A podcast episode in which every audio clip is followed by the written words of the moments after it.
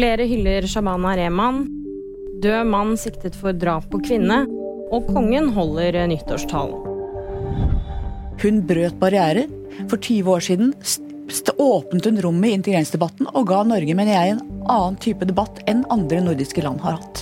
Det sier politisk redaktør i VG, Hanne Skartveit. Shabana Rehman er død, 46 år gammel. Rehman har vært alvorlig syk med bukspyttkjertelkreft og har de siste dagene vært innlagt. Flere hyller nå samfunnsdebattanten og komikeren. Kjæresten hennes skriver at Shabana var hans store kjærlighet. Abid Raja sier at hun var et stort forbilde og banebrytende, og statsminister Jonas Gahr Støre omtaler Rehman som en sterk og uredd stemme gjennom mange år.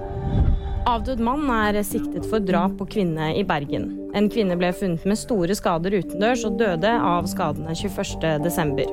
Så ble en mann funnet hardt skadet i en leilighet i Bergen og ble kort tid etter erklært død. Nå har den avdøde mannen fått status som siktet i saken. Bakgrunnen for siktelsen er spor på åstedet, sier politiet.